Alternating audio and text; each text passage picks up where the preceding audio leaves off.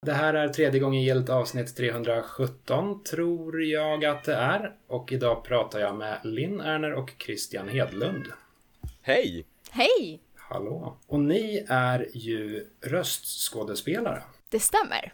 Exakt. Och för den som har missat det så har ni en Kickstarter igång och planerar en podcast som heter just Röstskådespelarna. Ja exakt, och det är väl egentligen kanske en eh, återuppliva en podcast eh, eller att göra någonting nytt och fortsätta den eh, är det väl egentligen. Ehm, jag gjorde den här podcasten ehm, 2015 själv och gjorde tio avsnitt där omkring. Ehm, för att, alltså det jag ville var, jag, jag har alltid älskat Linn och jag är likadana där, men vi har älskat tecknad film uppvuxna liksom med det här. Jag är uppväxt 80-90-talet med den här med Disney-dags på fredagarna och Disney-filmerna på bio som var liksom ett event då. Att så här, det här är årets Disney-film. Och eh, jag är ju till och med så pass eh, gammal så jag kommer ihåg kassettbandsagorna. När du hör den här signalen, bring, då är det dags att vända på. Titta, um, lyssna, läs. Ja, och så jag tror jag var sex år första gången jag sa att jag vill bli röstskådespelare när jag blir stor. Och sen så eh, har jag nu turen och lyckan att vara det. Och när jag kom in i branschen så tänkte jag så här, men jag vill intervjua de här personerna som är eh, mina idoler, har varit mina idoler och förebilder och eh, ja, ta chansen att prata med dem och höra de där berättelserna som jag själv undrat över. Och det utvecklades vidare till att det blev, jag insåg ju hur mycket historier som fanns som ingen någonsin annan frågat eller kommer att spara på. Det, eh, och det är lite det som vi vill fortsätta med. Det är en kulturskatt som riskerar att försvinna.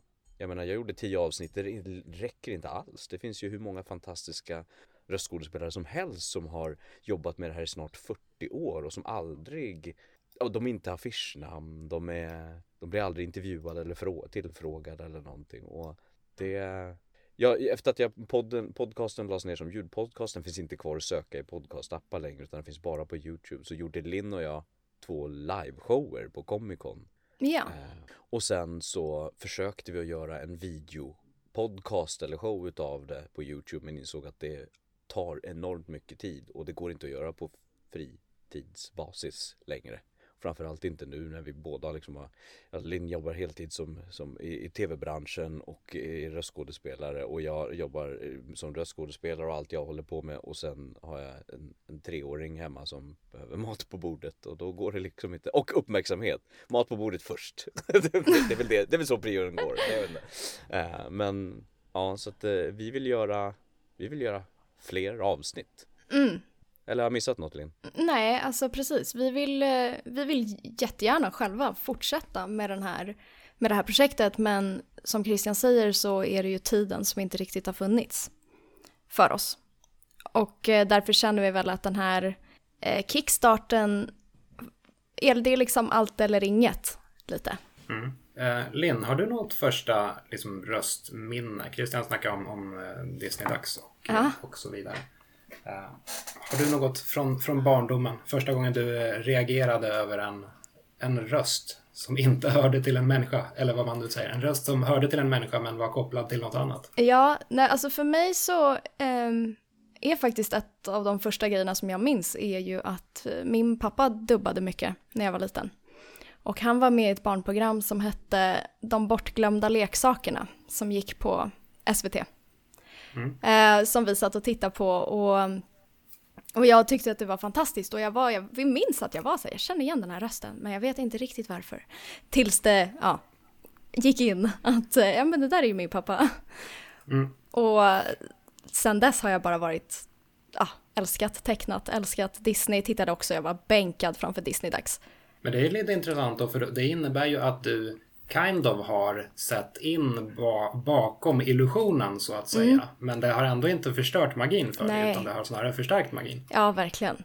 Alltså verkligen. Jag tycker att det om något i så fall förstör mer i den här åldern när man är så här, nu när man tittar på någonting och man vet vilka alla är. För att man på ett och annat sätt inte, inte känner, men man liksom har ju träffat på dem på dubbstudion eller sådär. Och så när man tittar på något så är man så här, ja ah, det där är den, och det är den, och det är den. Um, man tänker ju lite på ett annat sätt när man tittar på tecknat idag, när man själv jobbar med det. Tycker jag. Um, men magin försvann verkligen inte då, back in the days. när jag var liten. Det är fint. Hur, hur träffade ni varandra? Det var faktiskt podcasten. Ja, Alltså, inte, alltså faktiskt, ja. jag lyssnade på Christians, eller på röstskådespelarna när Christian gjorde den. Och så var det en dubbstudio som vi jobbar på som har en årlig glöggfest. Ja. Och så var vi där och så såg jag Christian och så tänkte jag så här, jag må- måste prata med honom lite om hans podd. Eh, Men jag var där med pappa. Så det var bara det att jag sa hej till Christian och Christian sa ja hej hej, var jättetrevlig. Men sen var han mer intresserad av att prata med min pappa. än att prata med mig. Min, min, min asshole-mäter slog i taket. Han bara hej hej. Men du, Magnus. Exakt.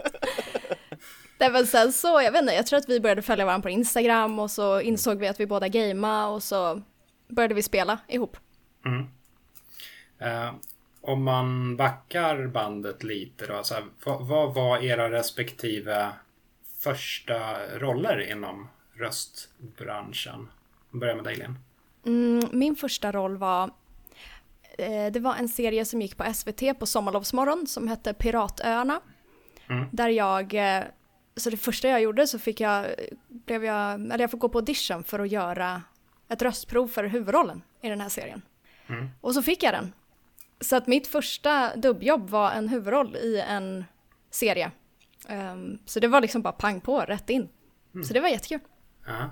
Hur, hur eh, upplevde, eller liksom att titta tillbaka på det allra första jobbet. Är det, är det liksom med eh, stolthet eller med skräck eller lite blandat? Vi har ju gjort skräck. det nyligen. Ja, alltså vi har gjort ett, ett eh, klipp på YouTube där vi reagerar på eh, våra första dubbroller och våra bästa dubbroller och, och sådär. Och eh, ja, nej, jag... Det är skämskudde när jag tittar på Du är mitt hård första mot dig själv. Ja, men jag, jag tycker ändå att det är... Du vet, jag hör, jag hör att jag är ny. Ja, men det, det, det är väl kanske ett gott tecken i och för sig. Det är, det är nog snarare en varningssignal om man tycker att så här, fan det här är riktigt bra. Det- Ja. jag, jag, personligen jobbar jag mest med text, eh, skribent. Och att kolla tillbaka på de första texterna jag skrev, det är också så här, det går ju inte. Det är ju horribelt. Ja, men det är ju ett fint tecken på att man har växt i sitt, sitt eh, kunnande och, och utvecklats liksom i sitt arbete och sitt yrke. Det, ja, men du har helt rätt. Kan tänka mig. hur, eh, hur, eh, eller vad var din första roll Christian? Alltså om man ska säga eh, som röstskådespeleri så var mitt allra första jobb en reklam eh, när jag var 18 eh, Eh, för Ajax tvättmedel. jag fick dubba en kille som stod i en dusch. Det var så här fransk reklam från början som skulle dubbas till svenska. Och han stod och höll i ett dammsugarmunstycke. Han var så här, du vet 25 blond, jag tror jag var, jag var nog 18 Så att han var så här 25 blond och så bara Is acculement? Det var så här kalkuppbyggnader skulle han prata om Och det, min, min replik var verkligen så här Men det, kalket byggs ju upp Det var det enda jag skulle göra Men det var det allra första så dubbade jag honom och så mötte jag Fredrik Dolk som var speaker i den och Fredrik Dolk gjorde bland annat Splinter i Turtles tecknade gamla eh, på, från 90-talet och han har dubbat hur länge som helst. Han, eh, han var väl Buzz Lightyear i Toy Story också om jag inte minns fel. Eh, Ja. i- Tror jag för Fredrik Dolk. Ja, så att, och jag kände igen honom så jag stod så här, det var mitt första jobb. Jag stod så här, ja det är Fredrik Dolk! Hej! Han, och så hälsade han på mig och jag höll på att kissa på mig men sen gick jag hem. Så det var mitt första jobb. Men när det kom till dubbning så var det en serie som hette ehm, Skåpbilen Olle. Där jag gjorde en traktor som hette Theodor. Prata, ja. Så att, eh, men den är lite lättare för den tittade vi på nyligen också. Och jag tror att vi kom överens om det att det var lättare att se den. Det var inte så mycket skämskudde på just den. För att jag gömde mig så mycket bakom en karaktär. Så jag tror att jag lyckades maskera hur nervös och rädd och okunnig jag var genom att gå in i den karaktären. Så det hade jag. Medan Lins roll var ju mycket mer din naturliga röst där och då. Då fanns det inget att gömma sig bakom liksom. Nej, men precis. Du var en skåpbil och jag var en riktig människa. Ja, Live action. Story av röstskådespelarna. ja. Ehm, liksom, vad ska man säga? Kvalitet och skämskudde eller icke helt åsido. Bara sett till själva um, dubbningsupplevelsen. Vilket är ert respektive bästa eh, eller mest minnesvärda röstjobb? Alltså för mig så är det definitivt Dreamworks Shira. Um, Dreamworks gjorde en remake på Shira och alla prinsessorna. Så det är, ja Bowie med, men annars är det inte så mycket killar med. Uh, och där gör jag rösten till Shira. Så, och den gjorde vi fem säsonger av och eh, men du vet, det var bara så här, från röstprovet till att jag fick rollen på min födelsedag. fick jag rollen och, och sen så har hon bara varit så, hon var så otroligt fantastisk att göra och sen så också allt bakom serien som jag har läst mycket om, alltså som i USA och så vidare, att den här serien har blivit väldigt uppmärksammad och för att det är väldigt starka kvinnliga karaktärer och jämfört med hur de såg ut på 80-talet så är de liksom eh, hälsosamma och inte sexistiska. Eh, nej, men så den skulle jag säga. Jag skulle nog säga, jag var på väg att säga Sonic-filmen för att den ligger så nära till hands. Uh, och det var liksom det sista, senaste stora jag gjorde innan pandemin slog till. Så att det, Men jag måste nog säga att få göra, jag gjorde ju Sasu i Lejonkungen. Uh, I remaken eller live action, vilket är konstigt Det är så big. Alltså, alltså det var att det, först när jag fick rollen eh, så när de ringer och, och sjunger bokningen bara du fick den och jag står och gråter och de gråter men sen så det faktum bara att jag fick sjunga för Lejonkungen kom original kom ju 94 och då var jag 10 och det var liksom en av de där så det var verkligen en av de där Disney-filmerna jag minns starkast och som jag sett väldigt mycket och eh, att få sjunga en låt som Sasu gjorde, eller Snart är det jag som blir kung med Simba och Nana. Att sjunga en låt som jag har sjungit så mycket genom hela mitt liv och försöka göra en egen tolkning Alltså att stå där i studion, för när du dubbar så hör du ju inte bara musiken då i, i det här fallet utan du hör ju också originalrösten sjunga, eh, vilket var John Oliver i mitt fall. Och sen så hör du dig själv sjunga. Och sen i mitt bakhuvud så hörde jag eh, originalrösten från svenska dubben från 94 för att det är så jag har sjungit låten i hela mitt liv. Så att stå där och då och försöka göra en egen tolkning utav det var så häftigt för att det är en låt som jag kunde utan till. Jag behöver inte titta på texten för jag kunde den.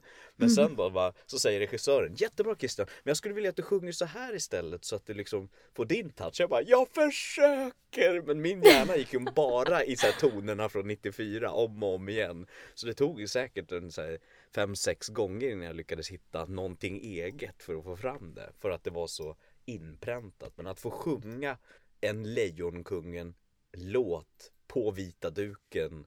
Eh, nej, det var, det var stort. Mm. Det kommer jag aldrig att glömma. Mm. Lite på tal om just regissörer som, som feedbackar en. Hur, hur upplever ni att det är att jobba med, med någon som jag antar inte är röstskådis själv. I, alltså som, som ger en feedback och kommer med åsikter på ens arbete utan att kanske möjlig, eh, nödvändigtvis ha den insikten i hantverket. Alltså vad jag upplevt så är de flesta regissörerna är röstskådespelare också. Men, mm. ja, men det är inte alla produktioner som man har både en tekniker och en regissör utan för vanliga serier så brukar det oftast bara vara en regisserande tekniker. Eh, och där är det ju inte alla som dubbar själva, alltså teknikerna. Så, att, men, så det tycker jag definitivt är skillnad på. Att dubba, eller att bli regisserad av en tekniker kontra att bli regisserad av en regissör. För det är mer pill och pet av en regissör än vad det är av teknikerna, tycker jag. Mm. Nej, jag kan inte annat än att stryka under på det. Jag, jag håller helt med det du säger. För att det, och de flesta regissörer, som du var inne på Linn, är ju också röstskådespelare. Jag tror inte jag har varit med om en regissör som inte dubbar själv eller har erfarenhet. Det, är de, för de för, det krävs både med tanke på hantverket i sig men också så är det effektivast för att allting ska gå så fort. Ehm, jag menar, vi får ju aldrig manus i förhand eller någonting utan det är så här, det är in i studion. Ibland vet du inte ens vad du ska göra. Ibland vet du inte ens att du, jag har varit med med tillfälle där jag trodde att jag gjorde en trailer för jag hade ju fått göra två röstprov för en karaktär. Och så när jag står i studion tredje gången så tänker jag, ah, ja men då får vi göra en tredje gången gilt då. Så gör jag röstprovet och läser in mina repliker. Och sen så bara, ja ah, vad bra, det är färdigt. Jag sa, ursäkta? Ja, nej men vi, filmen är färdig nu, du, du är färdig för idag. Jag bara, var det filmen vi gjorde nu? det så fort går det ibland. Så att eh, eh, med tanke på det så tror jag att eh, det, det, är bra, att, eller det är viktigt och bra och fyller en funktion att regissörerna är röstskådespelare själva. För mm. de vet precis vad det, är, vad det är som gäller på alla håll och kanter och förstår dig som står i studion också väldigt väl vad det är de behöver säga för att få fram det bästa ur dig på den korta, korta tid du har och ja, med den korta, obefintliga förberedelsen du har i dig. Mm. Ja, det, det, det, låter, eh, det låter som att jag, var, jag hade någon form av skräckbild av det här som kanske inte riktigt stämmer med verkligheten i så fall. Vad var din bild? Nej men att just inte riktigt bli förstådd som mm. röstskådis. Mm. Ja, ja men alltså det finns ju sådana fall också. Har man ju hört skvaller om. Ska inte nämna namn, men det finns ju de som kanske inte riktigt vill bli regisserade. Tycker att de är bra. Som de är. Mm.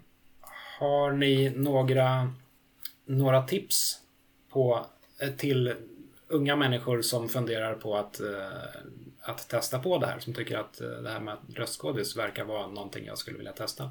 Ja, ett bra, ett bra första steg är att börja spela in dig själv och lyssna och lyssna och lyssna och lyssna så att du vänjer dig vid att höra din egna mm. röst och vet, lär känna ditt verktyg. Eh, det är många som, när jag berättar vad jag gör, som säger Oj, gud jag som inte ens tycker om att höra min egna röst. Ja, då, det, det blir svårt. det är som säger, jag ska bli rockstjärna men jag tycker inte, om, tycker inte om att lyssna på gitarr. gitarrer. Det är, det är drygt. Hatar musik. Ja, jag hatar musik. Så att börja i den änden, men sen skulle jag säga, även om jag inte har, Linn är ju utbildad skådespelare, jag är inte det. Eh, jag har ju radiobakgrund och är sen autodidakt efter det. Eh, men eh, jag skulle nog säga att idag så hjälper det enormt mycket att vara utbildad skådespelare så du förstår. Mm. Det, det, så här, jag gjorde inte min första roll för Linn, Linn och jag började ju branschen som med dubb ungefär samtidigt. Det är väl samma år tror jag debuterade? Ja. Och jag hade kanske kunnat eh, börja tidigare om jag hade haft utbildning. För då hade jag förstått vad det var jag gav mig in på. Eh, men jag fick lära mig den hårda vägen istället och, och, och slipa mitt hantverk på egen hand fram tills jag lyckades. Och började vi sen när jag var 30 med, och, med det här. Så att jag tror att det skulle gått fortare om jag hade haft en, en utbildning och förstått på riktigt vad det är jag ger mig in på. Um, Så det är ett tips tror jag. Um, Ja, verkligen. Och det har vi väl ändå fått bekräftat också lite från vissa studios att de, eh, ja, men de tittar på om du har en utbildning eller inte. Och, så att det tror jag absolut är att föredra. För att grejen är den, dubbningsbranschen är så pass snabb och så de har oftast inte tid att ta in någon och lära dig. Utan de måste ha in någon som helst ska kunna mm. Du ska ha studiovana, du ska ha vana att ta regi. Du ska inte bli nervös över att du ska stå och plötsligt ena sekunden vara jättearg och glad och nästa sekund visa genuin sorg i en väldigt konstig röst och bara ha en person på andra sidan glaset som sitter och tittar på dig under tiden i princip.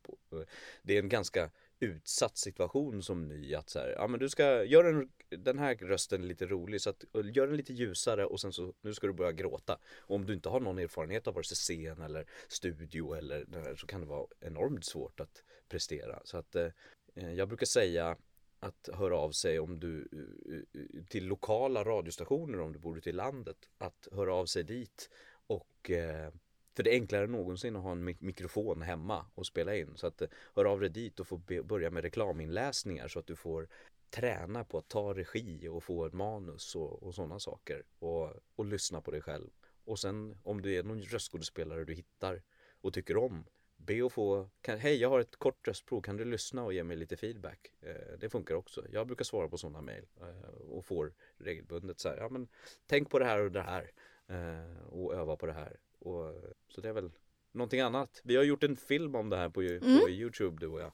Hur ja, blir alltså, man röstskådespelare? Precis, alltså vi får ju den här frågan ganska ofta. Uh, och därför har vi gjort då en Youtube-video där vi svarar på vanliga frågor som vi brukar få och uh, berättar själva om våra upplevelser. Um, så den kan man ju kika in om man har ännu mer frågor. Ja, hur hittar man den? Var ja, så, finns den? Jag tror faktiskt att den kommer upp så fort du googlar på hur blir man röstskådespelare. Ja, men då så. Ja, vi har, vi har köpt algoritmer eller på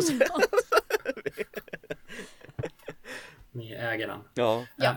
Jag, jag intervjuade Nolan North för massa år sedan. Um, och han menade, och det tycker jag även man märker i stort, att liksom kvaliteten och lägstanivån har höjts väldigt mycket. Inte bara liksom, eller ja, på, på alla sätt och vis egentligen. Alltså röster nu för tiden är bättre, bra mycket bättre än vad de var i slutet av 90-talet. Mm. I alla fall om man ser till tv-spel. Uh, har ni märkt av någon slags uh, förändring, evolution? Ja, alltså jag yrket? tror att det är för att, för att alltså, min pappa har berättat för mig att när han började dubba, alltså då var ju dubb en ful kultur. Alltså det var inget, det var inget prestige att dubba. Uh, utan det var liksom, då som min pappa hade då i början på sin karriär så fick han, han fick mycket småroller och liksom behövde, han hade mycket tid över och, eh, och började dubba som ett extra knäck. Och en period så var dubben egentligen hans huvudinkomst liksom. Men alla andra fin, stora skådespelare, de tackade ju nej till dubb. Dubb var inget fint liksom. Och därför tror jag att idag, när dubb är, idag är dubb något prestigefyllt. Och det är många som vill jobba med dubb. Så att idag så finns det så många fler att välja på så att man kan få den här kvaliteten än förr när det inte fanns lika många att välja på så då var det mer man tar det man har liksom. Så tror jag. Mm. Jag kan tänka mig att det finns en liknande syn på, på röstskådespeleri som det finns på performance capture. Alla eh, Andy Serkis, eh, Gollum och så vidare. Eh, vilket ju var en ganska konstig grej för ett par år sedan. Men nu så är det snarare en, en väldigt vanlig grej. Ja, det tror jag absolut. Det, eh, det håller, jag med, håller jag med om. Och det tycker jag spelbranschen blir så otroligt tydlig på det sättet. Eh, att det finns ju verkligen exempel som, och med internet försvinner ju ingenting heller. Men när man hör dåligt röstskådespeleri eller så här i, i spel så har det ju verkligen det är så många som har konsumerat det för att det var även i storspelen de som verkligen slog liksom. Så att, eh, och det hörs så extremt tydligt idag skillnad på, på, på Ja, jag katten. Jag trodde att det var min dotter som skrek. Nej, det är min katt. Men de har ungefär samma frekvens. Ja, de har ungefär samma frekvens. Nej, men det, det så att eh, där är det så tydligt på något sätt och det har gått så fort i spelbranschen också från 90-talet fram till ja, men Mass Effect-serien och Uncharted-serien då, om man ska ta någonting som Nolan faktiskt är med i också. Så eh, det är ju sån klasskillnad. Medan jag tror någonstans det var det lite mer subtilt i när det kommer till svensk dubbning. Att det, det, för att gänget som var med och startade, de som var där i början, de är ju fortfarande aktiva många utav dem det är ju därför vi vill göra den här podcasten också eftersom de dessutom är aktiva flera utav dem och berättar alla dessa historier. De har ju liksom stått där och spelat in med rullband en gång i tiden och nu är det så här trycka på en space-tangent några gånger för innan du är färdig. Så att, uh, mm. ja. Uh, den här podcasten uh, det är, inte Röstskådespelarna utan Tredje gången gilt är ju i första hand en tv-spelspodcast. Så det vore väl någon slags tjänstefel av mig om jag inte ställer ett par tv-spelsfrågor till er också. Eh, när vi ändå har er på tråden. Och då kan vi börja i, i änden helt enkelt. Vilken är er absoluta favoritkonsol genom alla tider? Mm. Det blev det jobbigt. Mm. Alltså det... jag måste nog ändå säga, bara för att den är mest liksom nostalgi och så måste jag säga Nintendo 64. Mm. Mm. Åh, svårt. Alltså jag tror att... Ja, du är ju lite äldre än vad jag är så att du har lite mer att välja på. Jag förstår mm. att det är Det här blev jobbigt. jobbigt. och speciellt dessutom när jag började gräva mig tillbaka i, i retroträsket. Jag skaffade min första Famicom och Super Famicom för inte så länge sedan. Just ja, du gör retro, retrovideos. Ja, till, mina, till de människor som vill betala för det dravlet jag håller på med på Youtube så får de se när jag har grävt mig tillbaka i det där. Eh, vilket är ju ett kaninhål som man försvinner djupt ner i. Om man, men jag måste nog säga, alltså för, för att jag hade ett uppehåll, jag hade en Nintendo 8-bitars och den fick jag, Nessen hoppade jag på rätt sent. Det var nog när Super Nintendo kom ut. Um, så att det är början på 90-talet då, 92, 93. Och sen så, så jag hade NES och sen så hade jag aldrig Super Nintendo och så blev det ett stort hål i mitt eh, konsolspelande fram till original tjocka Xboxen. Uh, och den var fantastisk men den fick liksom, när jag spelade Burnout Takedown på den så var det liksom, då var jag hooked igen. Och däremellan var det liksom PCn.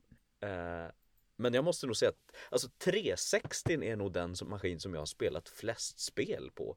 För att den var, den tog mig tillbaka in i det och det var då som jag började som under den min korta session som kollega till dig som någon slags spelbevakning du har ju mycket mer eh, liksom journalistisk inriktning på det Viktor än vad jag hade med mer underhållningsvinkeln på det om man säger så men det var liksom, det blev en sån stor grej att få bevaka spel och spela så pass mycket så 360 var speciell. Eh, och så just med hur den drog ut mig på internet med att spela med random people i vardagsrummet det var det var coolt tyckte jag. Men det är ganska sent, som sagt det är ganska sent även om den börjar bli retro på sitt sätt nu också. Ja, alltså jag tror ta mig fan att jag hade en, eh, jag hade också en eh, Xbox 360, men på mitt rum hade jag bara, jag hade fortfarande min gamla tjock-tv. Så jag tror typ att jag spelade Xbox på en tjock-tv.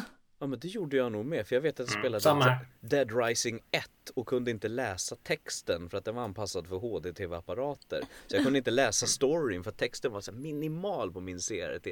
Det minns jag. Mm. Så ja, Ja, men det var ju precis där i överlappet när man började skaffa eh, platta tv-apparater. Lite ja. som överlappet till 4K sker just nu. Mm. Jag, eh, jag har ju ännu inte en 4K-tv personligen. Har du inte det? Eh, nej. Jag uppgraderade jag, till en 4K när jag spelade Red Dead Redemption 2. Uh, då kände jag att här, jag tyckte om det här spelet alldeles för mycket och jag vill spela det i sin fulla potential. Så då uppgraderade jag mig. Jag har tyvärr en, en för, vad ska man säga, stabil tv. Den går liksom inte sönder. Jag, jag ja. väntar mig att den ska gå sönder när som helst. Men den bara fortsätter och fortsätter. Så jag, förr eller senare kommer jag nog råka välta den. Det var, oj, det var katten. oj då, nu måste vi köpa en ny. Synd. Nej då. Ja. Vad, vad spelar ni just nu? Eh, jag avslutade faktiskt Control precis på PS5. Det var ju PS Plus-spel och har velat mm så här, och tänkte att äh, jag kommer aldrig kunna spela det här.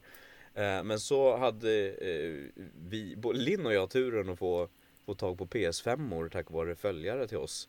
Så att eh, när det kom till PS5 nu så är det mycket enklare att spela ett spel som Control när man är småbarnsförälder. När det bara är stänga av maskinen och slå på den igen och så är du på samma ställe. Det underlättar enormt. Mm. Mm. så det och sen så spelar jag Destiny 2 lite, grinda lite här och var. Men sen spelar ju, har ju Linn och jag börjat spela PubG igen. Mm.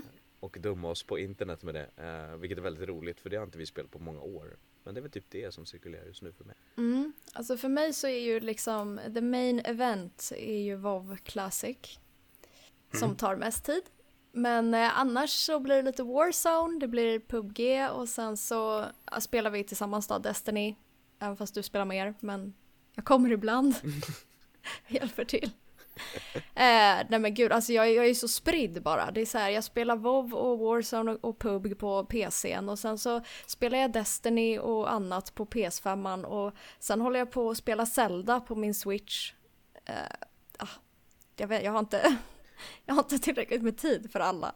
Så jag hinner inte spela liksom ut någonting utan det spelar lite här och där. Det låter ju som att du har ett ganska stort multiplayer-intresse. Ja. Av de spelarna att döma. Absolut. Alltså ibland, jag hade en period när jag, när jag inte alls kände för att spela med andra människor och då tyckte jag det var supermysigt att sitta och spela City Skylines eller eh, Planet Coaster eller så, storyspel eller som på eh, Playstation då, Red Dead eller Horizon. Men annars ja, multiplayer. Mm. Speciellt nu i pandemitid när man inte får träffa människor så får man väl spela med människor istället. Ja, ja. Och dessutom gör du ju, du gör ju en 100 baby challenge på, på min YouTube-kanal nu med mm. i The Sims också. Så att det, mm. den är ju, alltså ja, galenskap. Och det går alltså ut på att få, få 100 barn va? Ja med, exakt, 100 med barn. 100 människor. Ja precis, 100 barn med 100 olika män är viktigt. Du får inte skaffa fler barn med en person. Utan det måste vara en ny, en ny man varje gång och sen så, alltså det finns ju hur mycket regler som helst. Alltså man klarar det ju inte på en sim. Utan en sim kanske kan få så 20-25 barn. Och sen när den blir gammal, då blir det den sista, den sistfödda dottern som tar över. Den, jaha, vad, vilket mm. regelverk, det här visste inte ens jag. Ja, okej. Okay. Och inga fusk, ingenting. Men det går framåt. Vi, ja, vi har tänkte jag säga. Min sim har fem barn. Jag är uppe i. Jag har precis börjat alltså. Det, det är långt kvar. Hmm. Vad är den största utmaningen, tro? Liksom, var, var, var, i ligger, var ligger flaskhalsen i hela det här maskineriet, tro? Alltså, helgerna. Alltså i spelet. Helgerna i spelet. För då kan man inte göra så mycket progress. För att, för att få, alltså så här, ett hushåll i Sims får ju bara vara, eh, vad är det, 8-9 simmar. Så right. att när, när huset, hushållet är fullt, då kan du inte skaffa fler barn. Och då står du ju still. Så att för att få åldra upp tonåringar och barn så måste de ha högsta betyg i skolan. Och små barn, eh, de behöver bara ha nivå 3 i alla sina skills typ. Men barnen då och tonåringarna, de går ju inte i skolan på helgen. Vilket betyder att de inte kan göra någon progress. Det är exakt samma som man känner med sina kids i verkligheten som småbarnsförälder. Du, vad ja. gör du på helgen? Du gör ju ingen framsteg överhuvudtaget. Nej, å andra sidan, vem gör det? Nej, men det behöver inte de veta, barnen. Men shit, jag, jag trodde att det bara var typ ligga lite och så var man uppe i hundra barn. Men det här Nej. verkar vara Alltså inte om man ska planering. göra det korrekt. Alltså vissa gör ju det. Om man söker på det på YouTube så finns det ju de som har använder sig av något fusk så att de får liksom tio barn under en graviditet liksom. Men så får man inte göra, inte om man ska göra det korrekt. Utan då är det massa regler, alltså du får inte ens ringa och använda tjänster. Alltså du får inte ringa och använda barnvakten eller adoptera barn, alltså sådana grejer. Utan du ska göra allt själv. Inga humörsfusk. Utan går det att få tvillingar i The Sims? Ja, ja, det går att få trillingar. Upp till trillingar. Jag har fått mina första tvillingar, jag blev jätteglad. Wow! Skulle höra hur min mick pikade, jag skrek. Är tvillingar, ja, då, är, är trillingar max tro? Eller kan man? Eh, Nej, alltså jag har sett, jag har sett trillingar. Eh, men jag vet inte om man kan få fler än trillingar utan att fuska. Det är mm. jag osäker på. Men trillingar vet jag går. Alltså det finns ja. så här knep att det är så här, du käkar äpple och vattenmelon så får du, och titta på barnkanalen på tv, då får du tvillingar. det finns lite knep. Det är, det är jättelogiskt. Det är ja. klart. Det här är en helt ny värld som bara öppnas. Jag älskar det faktum rolig. att din sim i, det, i avsnittet med typ unge nummer tre bara gick till sjukhuset själv, förbi receptionen, bara sket i allting och bara in och la sig på en bänk och födde och åkte hem. Det var så här: okej okay, I'm, I'm doing this, this is work now. ja. Ja, men det jobbigaste skulle jag säga det är ju att man inte får göra humörsfusk. För att man, då måste man ta hand om alla och det är så många gånger som min mamma ligger med rumpan i vädret för att hon har svimmat. Alltså det, hon orkar inte mer. Alltså först kissar hon på sig och sen svimmar hon av trötthet. Ja, det blir för mycket ibland. Det är också väldigt nära verkligheten. Och i detta så ska man alltså lyckas på något sätt hitta stämningen för att ligga. Exakt. Ja, det är inte lätt. Och tjäna pengar. ja, okej. Okay. Uh, eh, om vi fortsätter med de, de, stora, viktiga frågorna här. Vilken tv-spelsmelodi nynnade ni på senast? Uh, jag tror att för min del var det nog Halo-temat. För att när jag är ute och går med min dotter så brukar vi alltid, när vi kommer till en gångtunnel så sjunger jag alltid den och hon säger Pappa, Hej Leo! Säger hon varje gång. så att det var nog den. Hej, hej, hej Leo enligt eh, min dotter. Så det var nog min senaste. Linn? Ja, um... jag hör bara din katt. ja, han... är eh, rolig. Man, man kan tro att det här är tre personer, men det är faktiskt fyra personer i podcasten. ja. Kat, katten Ogoshi kommer med sång, eller vad det nu är. Ja, nej men det senaste jag nynnade på var nog, eh, alltså grejen är att det, jag har ju spelat Sims till den här serien och jag eh, har suttit och redigerat det senast idag så att eh, det, det, är ju en melodi som går när man är inne i byggläget i Sims. Så är du, du, du, du, du, du, så här lite catchy hissmusik. Liksom. Music! Du, du, du, du, Så det var nog det senaste jag nynnade på. Uh -huh. um, om om man leker med tanken att ni skulle få göra en ny del i en redan existerande spelserie. Eh, och så får ni eh, göra precis vad ni vill med den. Vilken spelserie skulle ni välja och framförallt vad skulle ni göra med den? Tänker du bara alltså spelmässigt eller röstskådespelarmässigt? Nej, typ ett eget DLC? fritt fram för allting. Om man vill lägga in, jag vet inte, romance-alternativ eh, i Super Mario så går det bra. Oh. Oj, vad svårt. Alltså jag skulle, jag skulle nog så här. Jag skulle vilja se en, jag är så, jag är så hungrig på en remake på Burnout 3, Takedown från EA. Nu när de håller på att ha remakat Need for Speed och de remakar Mass Effect så känns det som att så här, ja om du vill fortsätta göra folk glada så, och med gratis pengar så gör så. Men göra göra ett nytt burnout då, kanske med, med eh, burnout 3-stil och så får jag vara DJ Atomica som jag tyckte var fantastisk, radioprataren i burnout 3. För att det var så, det är så lökigt men jag tyckte att det var så bra då för vad det paketet var. Så ja, jag, säger, jag säger den, det var den jag kom på nu. Mm. Ja, eh, jag... Eh, jag vet inte riktigt faktiskt. Jag tycker den, det var svårt. Jag kanske kan få vara med på, på din Christian på ett hörn. Ja, absolut. Kan jag klämma in någon kvinna där och så kan jag vara hon. Eller så drar jag med dig, jag kommer ju faktiskt tänka på någonting när vi pratar om vad du spelade. Vi avslutade ju faktiskt eh, Generation Zero, du och jag, nyligen ja. på kanalen. Eh, ja. Och som vi var så roligt med, för jag var ju med en av rösterna i Generation Zero.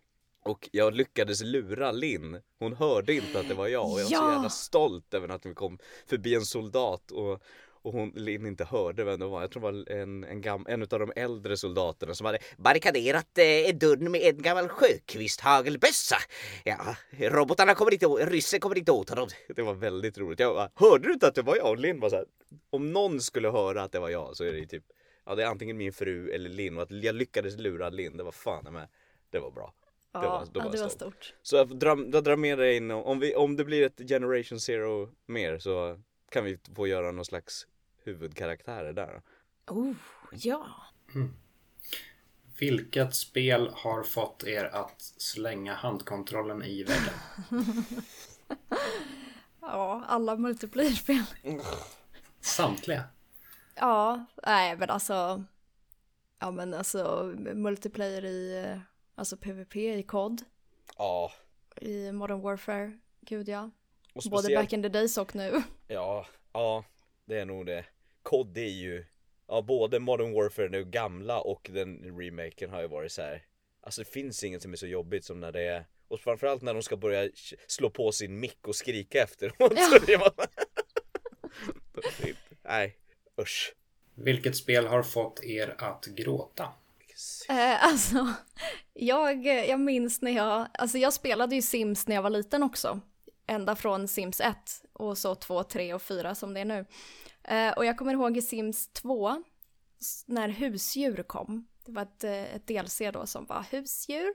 Och eh, jag var så jäkla attached till min katt i det här spelet. Så när den katten dog, då fällde jag faktiskt en tår på riktigt. Ja, men det, det är fint. Det, det svaret har jag aldrig hört tidigare på den här frågan. Det brukar ja. annars vara en viss typ av spel. Just det här spel som regisserar någonting eh, sorgligt eller bombastiskt eller känslomässigt eller sådär. Men det här är ju någon... Det här är en Next personlig, level. Ja, personlig koppling. Jag kommer inte på, alltså jag vet att det var inte allt för länge sedan. Men jag vet också att det var väldigt, väldigt riktigt nära tårar, alltså just tillbaka till, till den gamla goda tiden höll jag på att säga. Men eh, mitt absoluta favoritspel genom alla tider, Grim Fandango. Och jag vet att slutscenen där berörde mig jättemycket. När Manny Calavera äntligen får lämna, lämna eh, undervärlden och eh, för den slutgiltiga resan. Det kommer jag ihåg som ett starkt. Och det där är ju verkligen en regisserad upplevelse på det sättet. Ja, jag blev nästan tårögd förresten när vi spelade Christian uh, Little Nightmares 2. Ja. Slutet ja. var jag inte alls uh, överens med. Och tyckte, ja, jag vet inte, jag tyckte att det var så orättvist så att jag nästan blev ledsen. Mm. Mm, ja, jag håller med. Starkt. Mm, starkt. Vilken spelvärld skulle ni vilja flytta in i? Oj. Uh, Alltså jag spelar ju um, Zelda just nu på min Switch. Vilken Zelda-del är det du kör? Uh, Breath of the Wild. Nice. Och uh, där tycker jag ju det är otroligt, alltså jag tycker spelet är otroligt fint tecknat. Och den världen är också otroligt fin, tycker jag. Så att jag skulle inte ha något emot att slå upp ett litet tält där. Alltså jag tycker om, alltså, det här kommer låta, men det skulle vara intressant, kanske inte att bo, men det skulle vara enormt intressant. Nu har jag har aldrig varit i Japan eh, på riktigt, men att få besöka i alla fall en, ett par år Kamurocho i Yakuza-serien och ena sekunden gå och gnugga armbågar med stora hårda maffia-japaner och sen nästa sekund träffa på Mr Libido som står och juckar i blöja i ett hörn och bara undrar bara så här, vad är det för värld? och så inser jag när jag säger det högt att det är inte så långt ifrån verkligheten egentligen. Så. Nej, precis. Japan är ju ganska speciellt, så här är det någonting som man kanske faktiskt kan uppnå. ja, lite, lite, svårare att flytta in i Hyrule, men... Ja, exakt. Ja, exakt. Ja, nej, då blir det. Jag, jag, provar, jag provar Japan då. Finns det på riktigt? det finns. Det lever upp till alla, allt man tror. Ja, jag misstänker det. Ja, då får jag åka dit. En pandemi eh, bort ligger Japan. Ja. Allting ligger en pandemi bort. ja, det är väl så. Ja. Verkligheten och livet är på paus och ja. snart kommer snart. vi igång igen. Um, vilket är era respektive favoritspel och vilken detalj i dem gillar ni allra minst? Christian har redan svarat Grim Fandango här. Ja, jag svarade. Men minst? Minst? Jo, jag vet precis vilken detalj jag gillar minst. Grim Fandango är fan, för mig, alltså för mig är det så för det var precis när vi skaffade, på den tiden min mamma fick köpa en dator via jobbet. Så att det var så stort. Jag hade haft en 486 och en 386 stående på rummet innan. Så helt plötsligt skulle det komma in en Pentium 2 dator in i huset. Och jag kunde börja spela spel. Så jag spelade Half-Life på den bland annat och eh, Need for Speed Hot Pursuit, eller Need for Speed 3 Hot Pursuit. Men sen så var det Grim Fandango som var ett spel som öppnade upp sån otrolig värld för mig. Framförallt genom röstskådespeleriet som jag var helt hänförd av. Men jag tyckte så mycket om det, hela världen och allting. Men en sak jag inte tyckte om var slutscenen, spoiler, när man ska skjuta Hector LeMans. Så behöver man springa runt ett, ett växthus. Och när Manny springer upp för den branten så är han liksom polygonmodellen är fortfarande rak och det finns ju ingen så här, ingenting som i närheten av någon slags inverse kinetics eller någonting liksom kontakt med den ytan utan han glider liksom rakt upp och springer nästan vertikalt uppåt för att komma upp för den där Och jag vet att jag störde mig så på att så här, det där ser inte bra ut. Allting annat är så fint och vackert men det tog mig liksom ur upplevelsen att han så här gled upp på en kant. Det kommer jag ihåg att det så här. Och klippte lite i de här förrenderade bakgrunderna. Så att det, nej det gillade jag inte. Men i övrigt så är det spelet liksom otroligt. Men nej. Mm, alltså jag, eh, jag brukar ju säga att mitt favoritspel all time är Mario Kart till Nintendo 64. Bara för att det är det jag har spelat mest och det är det jag um, ja, är väldigt bra på, om man får säga så. Men eh, jag vet inte om det finns någon liksom, alltså jag tror att det är många kanske skulle tycka att det är en dålig detalj att det finns ju väldigt mycket buggar i det spelet, vilket gör att du kan eh, hoppa över väggar och klara ett varv på två sekunder istället för att köra varvet liksom. Men eh, för någon som gillar att vinna så tycker ju bara jag det är bra. Jag har lärt mig alla. Det här är varför jag inte ska spela Mario Kart med dig. Då kommer du flyga kontroller och jag kommer förlora så hårt för att du bara Vadå? It's not a bug, it's a feature. Exakt. Så att, eh, nej jag ser inte det som en, eh, en dålig detalj. Den enda dåliga detaljen det är väl om jag inte vinner. Ja. ja, men det, det, är ofta så att när man har ett spel som man tycker riktigt, riktigt mycket om då, då kan till och med de konstiga skavankerna spelet har bli en del av skärmen på något sätt. Lite som mm. att tycka om en människa. Att eh, så här, ja visst den här människan, jag vet inte, gör ju massa konstiga grejer men det är så här, det är ju så personen är. Mm. Mm. Vilket spel skulle ni ta med er till en öde ö? Och den här öde ön har inget internet men den har elektricitet av någon anledning. Förlåt, jag är så tråkig men jag, jag säger Green Fandango igen bara för att jag kan spela om det spelet om och om igen. Så, och som det är ett single player, ja, jag kör på det. Mm. För då kan jag Ja. fantisera om att när jag väl svälter ihjäl på den här jävla ön så kommer jag till ett, ett kasino nedsmutsad eftervärld. Mm. Då, då tolkar jag alltså detta som att du eh, än så länge inte har tröttnat på att spela om Grim Fandango. Nej. Om. Jag var faktiskt inne på att spela om det. Jag gjorde en genomspelning på min YouTube-kanal för tre år sedan. Och jag var inne på att bara, ska jag göra det igen? För att jag tycker att, inte för att någon jävel tittar på det utan för att jag vill. Ja. Ja. Nej men jag hade nog faktiskt också, alltså jag hade tagit med mig Mario Kart tror jag. Alltså man kan alltid träna på att bli bättre. Slå rekord. Ja. Och så när man eh, då pausar när man har blivit arg och eftersom att det inte då, det spelet behöver ju inte internet. Eh, Men jag får väl spela mot datorn då. Efter, som att jag är där själv antar jag. Ja. Ehm, så då kan jag ju sätta dem på det svåraste. Så att jag får lite motstånd. Och sen får man gå och plocka pinnar och elda och fixa mat och så vidare. Och sen så sätter man sig igen och tränar Ja. på sina rekord. ja, visst. Men, men hur, hur ofta brukar du köra Mario Kart i single player? Ehm, inte så ofta nu för tiden. Ehm, för det behöver jag inte. Nej, men jag hade faktiskt en, en period för några år sedan när jag var singel. Mm. Så när jag hade dejter hemma så brukade jag föreslå. Du, jag har ett Nintendo 64, vill du spela lite Mario Kart? Och eh, alltså det var en ganska bra wingman, eh, Nintendo 64, att också att vinna över dem. Det, Mm. De blev lite sura, men du vet, då... då Var, det det var någon, bra. förlåt, men var det någon som sa såhär nej? Nej jag vill Nej. inte spela. Nej, Nej, ingen sa nej. det är klart det kan man ju Men hade de gjort det, hade det varit så här, ja men dörren är där.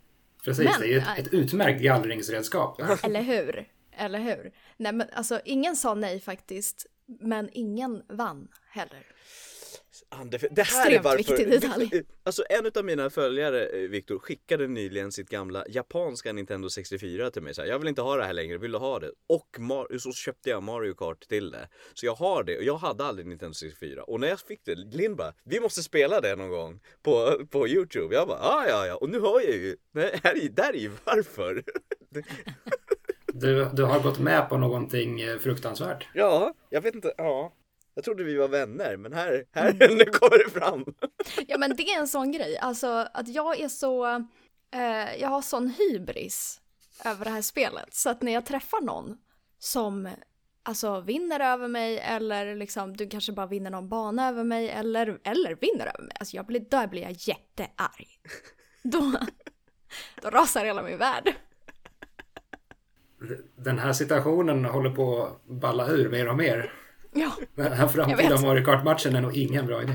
jag känner att jag kanske egentligen borde lämna bort mitt Nintendo 64 och hela mig själv. kommer ha någon intervention snart. Hej Linn, Exakt. vi vill att du gör dig av med din N64. Näst sista frågan då. Vad är ert absolut första tv-spelsminne? Alltså för mig så är det ju Nintendo 64, men det första spelet vi hade till, ja, alltså det är, det är antingen Mario Kart eller eh, alltså Super Mario. Jag tror nästan Super Mario var det första som vi hade. Det, det, är, det är en ganska... Alltså, jag, jag är ju gammal som gatan. Eh, så för min del så var Nintendo 64 inte den första konsolen jag körde. Eh, så för mig var Nintendo 64 istället ett otroligt liksom skifte i... Ja, spel var, var tvådimensionella. Nu plötsligt ska alla spel bli tredimensionella istället. Vi får en helt ny dimension. Eh, Så, så för mig var Nintendo 64 snarare någon form av ja, men, konstig förvandling av hela spelkonceptet så, som var lite svårt att greppa i förhand. Jag kunde liksom inte riktigt tänka mig hur det skulle vara att kunna gå i tre riktningar, eller liksom i, i tredimensionell Nej. värld. Nej, men, nej, alltså så är det ju lite för mig med, alltså när jag ser tvådimensionella spel. jag vet ju, jag vet, jag tror att vi hade något sånt spel hemma till någon riktigt gammal första dator liksom. Som min stor, jag har en äldre bror, så han spelade nog säkert det, men första gången som jag fick hålla i spakarna, det var på Nintendo 64. Och så jag tycker att de här tvådimensionella spelen ser lite så här, uh, hur kunde man spela sånt bara? Det är så intressant det där. Jag tror att mitt första var att min dagmamma, hennes son hade ett, ett NES hemma. Och så, jag tror han hade typ, antingen, säkert Super Mario, men jag har ett starkt minne av att jag reagerade på Gunsmoke till NES. Eh, gammal arkadkonvertering och då var det så här Cowboysar... Eh. Det som... Ja men precis. Och det kommer jag ihåg väldigt väl att det var så här, oj. Är det, och det, var, det var bara så här, vilken grej att man kunde spela på tvn. Eh, så det var nog mitt allra första minne just sådär med maskin. Men jag tycker att det är jätteintressant just det där att det, det var det som du sa Linn, att din upplevelse av att titta på 2D-spel och se oj, kunde man bara göra så här? På ett sätt är samma upplevelse fast bakvänt från För jag känner ju igen mig i det du vill säga Viktor, att man bara eh, vad då kan man, som jag gick ju då från att ha spelat tv-spel på Nessen och sen hade ett långt uppehåll tills vi skaffade dator och så helt plötsligt så spelar jag Half-Life 1 och då är det så här att gå, är det mina ögon jag tittar igenom i en värld som jag rör mig i? Det var liksom så här, från Super Mario till det. Mm. Det var liksom, det var enormt. Jag hade liksom märkligt. drömmar om att här, bara känslan av att själv kunna välja åt vilket håll jag kunde gå. Det, det kändes på något sätt så här, som, som det, det ultimata inom spel. Så här, jag går höger, jag går vänster, jag kanske går snett framåt idag, jag vet inte. Vi får se. jag vet inte, det är lite rebell. Slutligen då. Um, har ni någonting i spelvärlden som ni ser fram emot just nu? Våren uh, eh, 2021? Eller ja, framåt helt enkelt. Um, ja, alltså jag har ju som sagt då, vi har ju fått uh, PS5-or. Mm. Jag är inte sådär super, eh, alltså spelen som har kommit hittills till PS5 eh, tilltalar inte riktigt mig. Men jag vet att det ska komma Hogwarts Legacy tror jag den heter. Right. Jag är ett Harry Potter-fan. Ja. Och det här spelet är jag sugen på att spela. Så det längtar jag till.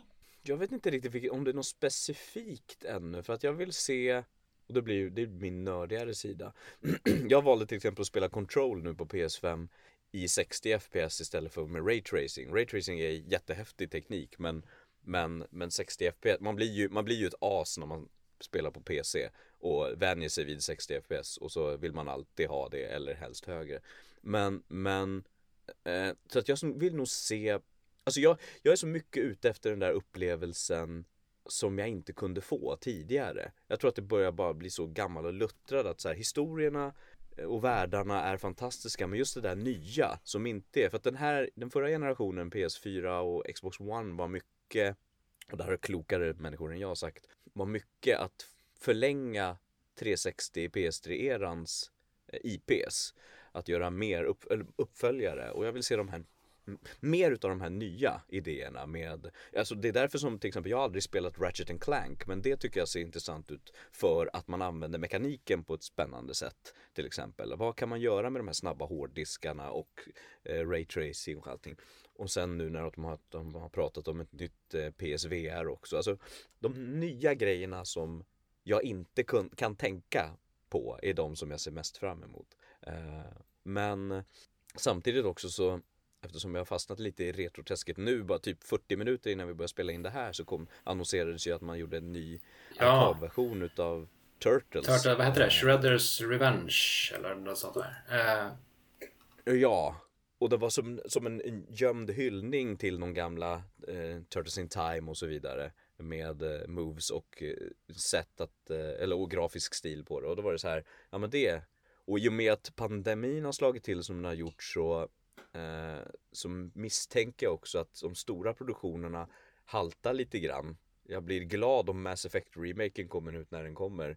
Men jag tror att vi får lita mycket på att, jag tycker att Little Nightmares 2 är ett ypperligt exempel på det. Jag tror att vi får lita mycket på att indie utvecklarna är de som kommer att stå för de stora fantastiska grejerna först och främst under det här året som en följd utav stora mm. pausknappen pandemin. Man ska ha ett, nytt, ett helt nytt spelkoncept som, som uh, inte var möjligt att göra tidigare då. Ett, ett spelkoncept som är som gjort för PS5. Då behöver man alltså någonting som utnyttjar uh, snabba laddningstider och utnyttjar just det här hur ljus studsar. Va, va? Va, ja, men, ja, men va, vad bygger man med de ja, två komponenterna alltså. Mm. Och sen och handkontrollen. Wow. Gärna för den är ja, fantastisk. Är, alltså Astros Playroom tycker jag ärligt talat är skitskönt att bara leka runt. Ja, verkligen. Ja, ja, ja, ja. Och det jag har ju båda maskinerna eh, Series X och PS5 här hemma och visst jag spelar på Series X mycket för att den är fantastisk med att kunna återuppta alla de här gamla 360-spelen och allting jag missade och med Game Pass är ju det en, en fantastisk maskin på det sättet. Men det som verkligen kändes Next Gen var ju när man trippade över glas eller sand första gången mm. i Astro och man bara kände mm. det här. Eller is när han åker skridskor i Astros Playroom så var det så här. Det hade jag inte kunnat föreställa mig att det skulle kännas så exceptionellt när, som, mm. som det gjorde när jag väl höll i handkontrollen. Det är en sak som inte går att beskriva mm. för någon som inte har hållit i den ännu. Det är verkligen en Mm.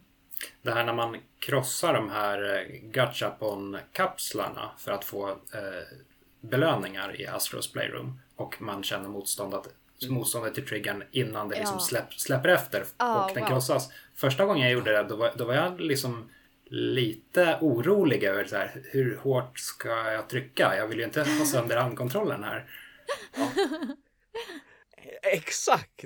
Och den, den delen, de här triggrarna, mm. vad, vad folk kan göra med det är ju jättespännande. För bara den, ja men pilbågen eller det som du sköt med Astro var också så här, som du säger, hur hårt, men jag måste ju ta i eh, och, och känna på något sätt att använda. Det var verkligen som att aktivera ytterligare ett sinne i det spelet, i den, ja, inom kaninöron, enkla upplevelser det var, så tillförde det jättemycket.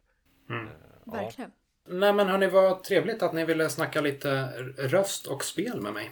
Ja, ja trevligt att vi fick komma och prata ja. röst och spel. Och jag kan ju säga det också att ett av på Kickstarten som vi har för de gammelnördarna som du och, du och jag Viktor som är all, ja, börjar, som, jag gissar att många tror att vi också ålderns höst. Ja precis, medelålders. En utav dem, vi har ju valt att inte Alltså att säga, lista ett par episoder som vi skulle börja, vilja göra jag och Linn om vi eh, når vårt grundmål. En av dem som vi har listat som, som, har, som har, jag har pratat med nyligen och han är intresserad, han är svår att prata med men har inte velat prata om om det här för att han tycker inte om att prata om sig själv är Hasse Jonsson som har dubbat hur länge som helst. Ehm, men han var ju också inblandad i den svenska dubben utav Diablo 2 en gång i tiden. Ehm, jag tror att det var Diablo 2, du får rätta mig om jag har fel, som gjordes till svenska va? Jag tror att det är Diablo 1. Är det Diablo 1 som är den, den ja, Jag har ingen trollformel redo. jag är ingen mjölkkärring. Och han var inblandad i den. Så att jag menar, eh, förutom hans dubbningserfarenhet så har han ju faktiskt någonting där också som jag vill bara nämna i förbifarten. Så eh, ja, det är stort. Ja, det är det. Ändå. Eh, den här kickstarten den tar slut, rätta mig om jag har fel, men den 20 kan det, stämma? Lördag? Stämmer va? 22 kanske det var? 22 till och med. Jag, jag, försöker räkna framåt här för eh, podcasten spelas in, den här podcasten spelas in lite i förväg. Men ja, oavsett så när podcasten, den här podcasten är ute så finns det fortfarande lite tid kvar ja. att eh, ja att söka upp Kickstarten och Ja, det vore fantastiskt att få göra. Som sagt, det är en, en av avsnitten som jag, verk, eller som, som jag verkligen har velat göra länge men som det har liksom inte funnits möjlighet och nu kan jag och Linn få möjlighet att göra det och det är eh, också en sån där grej som Eh, många utav oss växte upp med Disney-dags och Ducktails framförallt och John Harrison som gjorde rösten till Joakim von Anka och Dr. Mm. Snuggles också. Han är inte med oss längre men hans son är ju det, Peter Harrison och hans son Oscar Harrison eh, dubbar fortfarande. Och när jag pratade, träffade Oscar nyligen och sa att jag skulle vilja göra ett avsnitt med honom eh, och hans pappa och prata om farfar så sa han det, vet du att eh, jag eh, den sista dubbningssessionen farfar gjorde innan han gick bort, gjorde han, då var jag tekniker och regissör. Och jag sa det, jag bara, jag vill höra det här. Så att om man känner att det här är en dold kulturskatt. Jag tycker om röstskådespeleri och jag skulle vilja höra mer om det här så vore det fantastiskt om jag och, och Linn kunde få, få spara de här berättelserna. Eh, inte bara för oss och för dig som lyssnar eller vill lyssna på det utan för framtiden. För de eh, börjar bli till åren många utav dem. Mm. Mm. Uh, Kickstarten hittar man väl helt enkelt genom att söka på röstskådespelarna Kickstarter? Ja, absolut. Det går också att gå på röstskadespelarna.se, det vill säga röstskådespelarna utan prickar, uh, så dirigeras du dit direkt mm. också. Hittar man er på internet om man uh, vill ha tag på er personligen, till exempel på Twitter eller liknande? Jag finns bara på Instagram mm. och på Youtube med Christian.